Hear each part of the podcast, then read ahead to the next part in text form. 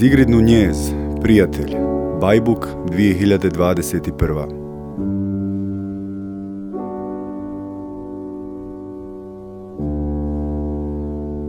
Sigrid Nunez rođena je 1951. godine u Njujorku, od majke Njemice i oca kinesko-panamskog porijekla.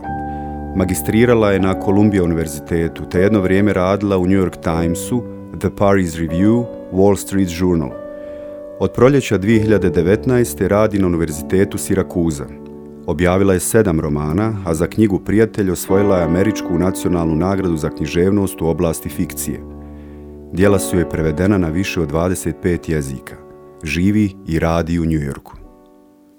Prijatelj Sigrid Nunjez je knjiga koja se pojavila 2018. godine.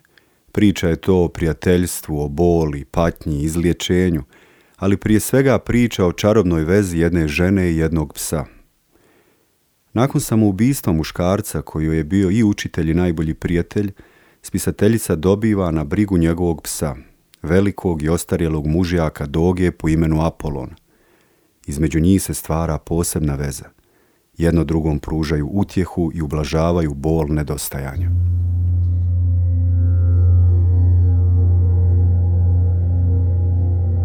80. godina u Kaliforniji. Veliki broj žena iz Kambođe odlazio je kod svojih ljekara sa istom pritužbom. Imale su problema s vidom. Sve te žene bile su ratne izbjeglice. Prije nego što su pobjegle iz svoje domovine, bile su svjedoci zvjerstava pa kojima su crveni kmeri, dok su vladali zemljom od 1975. do 1979. godine, bili dobro poznati. Mnoge od tih žena bile su silovane, mučene ili na drugi način zlostavljane. Većina ih je gledala kako im ubijaju članove porodice. Jedna žena koja nikad više nije vidjela svoga muža i troje djece nakon što su vojnici došli i odveli ih, rekla je da je izgubila vid pošto je četiri godine svaki dan plakala. Izgleda da nije bila jedina koja je plakala dok nije oslijepila. Druge su imale zamagljen ili ograničen vid, mučili su ih bolovi i sjenke pred očima. Ljekari koji su pregledali te žene, sveukupno oko 150, ustanovili su da su im oči sasvim normalne. Dodatne analize pokazale su da su i njihovi mozgovi također sasvim normalni. Ako su te žene govorile istinu, a bilo je onih koji su u to sumnjali, koji su mislili da možda simuliraju jer žele pažnju ili se nadaju da će dobiti invalidninu, jedino objašnjenje bilo je psihosomatsko sljepilo. Drugim riječima, Umovi tih žena, primorani da prihvate tolike užase, a zapravo nesposobni da prihvate još više, riješili su da isključe svjetlo. Ovo je bilo posljednje o čemu smo nas dvoje pričali dok si još bio živ. Poslije toga sam dobila tvoj e-mail sa spiskom knjiga za koji si mislio da bi mi mogle piti od pomoći u istraživanju. A pošto je bilo to doba godine, s najljepšim željama za novu godinu.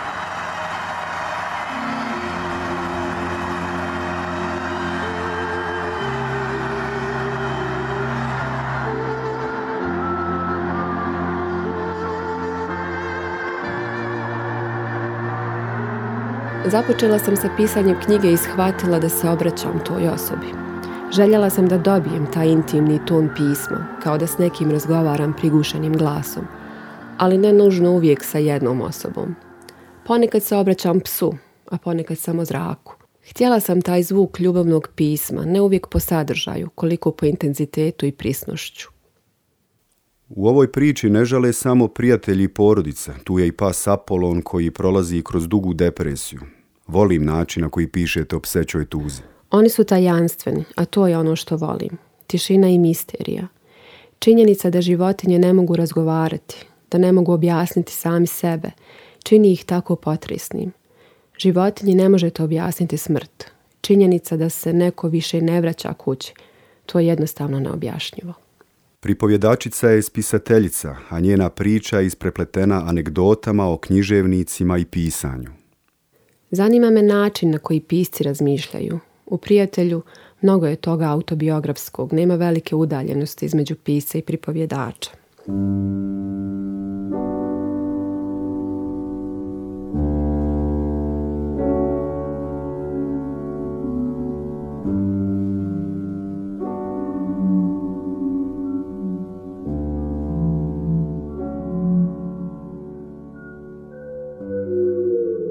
Otkad se doselio kod mene, većinu vremena provodi na krevetu. Prvog dana nakon što je onjušio cio stan, ali uzgredno bez ikakvog stvarnog zanimanja ili radoznalosti, popao se na krevet i sklupčao se. Komanda dole zamrla je u mom grlu. Sačekala sam dok nije došlo vrijeme za spavanje. On je ranije pojao činiju granula i dozvolio da ga izvedem u šetnju, ali ponovo naizgled ne mareći, pa čak ni primjećujući šta se događa na polju. Nije mogao da ga podstakne čak ni pogled na drugog psa. On je s druge strane neizostavno privlačio pažnju. Treba će vremena da se naviknem na osjećaj da predstavljamo spektakl, na stalno fotografisanje, na česta pitanja koliko je težak, koliko jede, da li ste pokušali da ga jašete. Hoda pognute glave, kao teretna životinja. Kad smo se vratili kući, otišao je pravo u spavaću sobu i bacio se na krevet. Iscrpljenost od tugovanja, pomislila sam ja, jer ubijeđena sam da je on shvatio. On je pametniji od drugih pasa. Zna da si zauvijek otišao. U jednom novinskom članku iz 2018. godine za Sigrid Nunez kažu da je možda staromodna i romantična, ali da je pisanje za nju cjeloživotni poziv srodan bivanju časnom sestrom ili sveštenicom – ako čitanje zaista povećava empatiju, kako nas stalno uče, tvrdi autorica, čini se da je pisanje pomalo umanjuje. Pisci su zaista poput vampira, kaže naratorica u njenoj knjizi. Na drugom mjestu ih ismijava pišući o kalendaru sa 12 golih spisatelja. Uprkos kritika upućenih piscima i njihovom nezadovoljstvu, Nunjez je knjigom Prijatelj osvojila literarni svijet – za nju je pisanje više sveti poziv nego vježba samo promocije i brendiranja. Tako da je bila iznenađena priznanjima koja su slijedila nakon dvije decenije od prve napisane knjige. Objavila je osam knjiga i osvojila nekoliko književnih nagrada, prije nego je primila National Book Award, ali i dalje je na distanci od literarne scene. Nikad se nije udavala, nema djecu, što je po njenim riječima omogućava da se fokusira na rad bez brige o novcu – od 80-ih živi u istom stanu na Union Square-u i povremeno predaje pisanje i drži književne seminare. Nikada nisam imala pravi posao. Cijeli život živim kao absolvent. Bila je u emotivnoj vezi sa Davidom Riffom, piscem i sinom Susan Zontag, te dolazi u blizak kontakti sa ovom velikom ženom, a druženje s njom omogućava joj uvid u život profesionalnog pisca.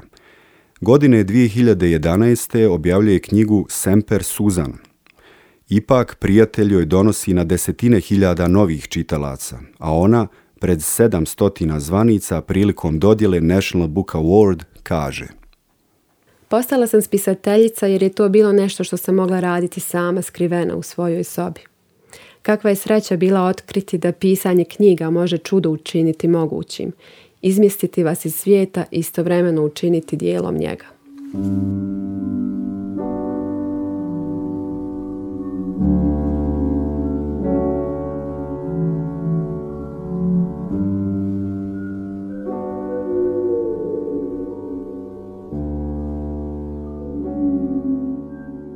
Jedina životinja koja vrši samoubistvo također je jedina životinja koja plače. Iako sam čula da i jeleni satjerani u tjesnac, iscrpljeni od lova, bez mogućnosti da umaknu lovačkim psima, ponekad liju suze. Također se pričalo i o slonovima koji plaču, a ljudi su spremni da tvrde bilo šta za svoje pse i mačke. Po mišljenju naučnika, životinske suze su od stresa, i ne treba ih brkati sa suzama ljudskih bića koji su izazvane emocijama. Kod ljudi hemijski proces stvaranja emocionalnih suza drugačiji je nego kod suza koji nastaju da pročiste ili ovlaži oko recimo zbog neke iritacije. Poznato je da oslobađanje od određenih hemikalija može biti korisno za onoga koji plače, što objašnjava zašto se ljudi tako često osjećaju bolje pošto su dobro se isplakali a možda je to i uzrok tajne popularnosti sentimentalnih priča. Priča se da je Laurence Olivier bio frustriran jer nije mogao za razliku od mnogih drugih glumaca da pusti suzu po potrebi. Bilo bi zanimljivo saznati hemijski sastav glumačkih suza i provjeriti kojoj od ove vrste one pripadaju. U folklornim i drugim pričama ljudske suze kao i ljudska sperma ili ljudska krv – mogu imati magične osobine. Na kraju priče o Zlatokosoj kada ona i princ poslije mnogo godina razdvojenosti i jada ponovo nađu jedno drugo i zagrle se. Njene suze teku u njegove oči i čudesno mu vraćaju vid koji mu je vještica oduzela. No, je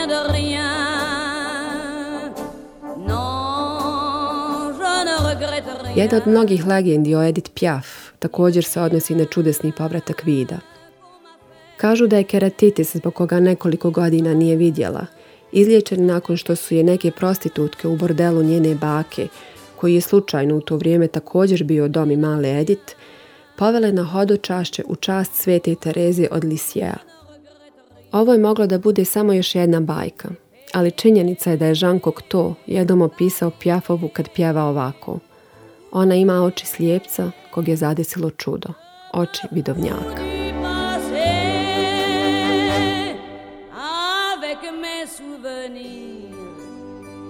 le feu, mes chagrins, mes plaisirs. Charles Taylor za Los Angeles Review of Books piše Prijatelj je jedna od onih rijetkih knjiga koje na kraju učine da vam srce lupa sporije. s imenom Apolon, koji je jedan od junaka knjige Sigrid Nunez, pripada rasi poznatoj kao doga – Nastali su u srednjem vijeku u Njemačkoj, bili čuvari dvoraca, a poznati su po svojoj gigantskoj veličini. Ti nježni divovi mogu imati i do 82 kg, a životni vijek im je najviše 8 godina.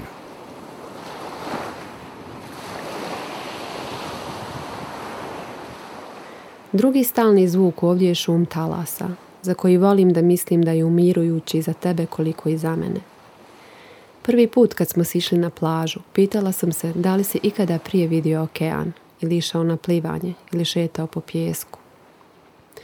Zamišljam da veličina otisaka tvojih šapa natjera ljude da zastanu. Srećom, plaža je udaljena samo nekoliko minuta hoda. Idemo tamo samo kada je sunce nisko na nebu, u rano jutro ili sumrak. Koliko god bila kratka, za tebe šetnja nije uvijek laka. Hodaš sporo, sve sporije. Šepanje je riječ koju ovdje izbjegavam. Bojim se da ćemo jednog dana sići dole bez problema, ali da nećeš moći da se vratiš. U gradu se nedavno dogodilo nešto zastrašujuće. Bilo je užasno vruće. Prvi zaista gadan dan u ljetnoj sezoni i krenuli smo u hladovinu parka. Ali prije nego što smo stigli tamo, ima da nismo mnogo hodali, ti si stao, klonuo i sručio se na beton. Očigledno u bolovima. Skoro da sam se uspaničila. Mislila sam da ću te izgubiti tu na licu mjesta. Zapamti, ja sam samo ljudsko biće. Nisam ni blizu toliko oštrumna kao ti. I bit će mi potreban znak kada ti postane preteško.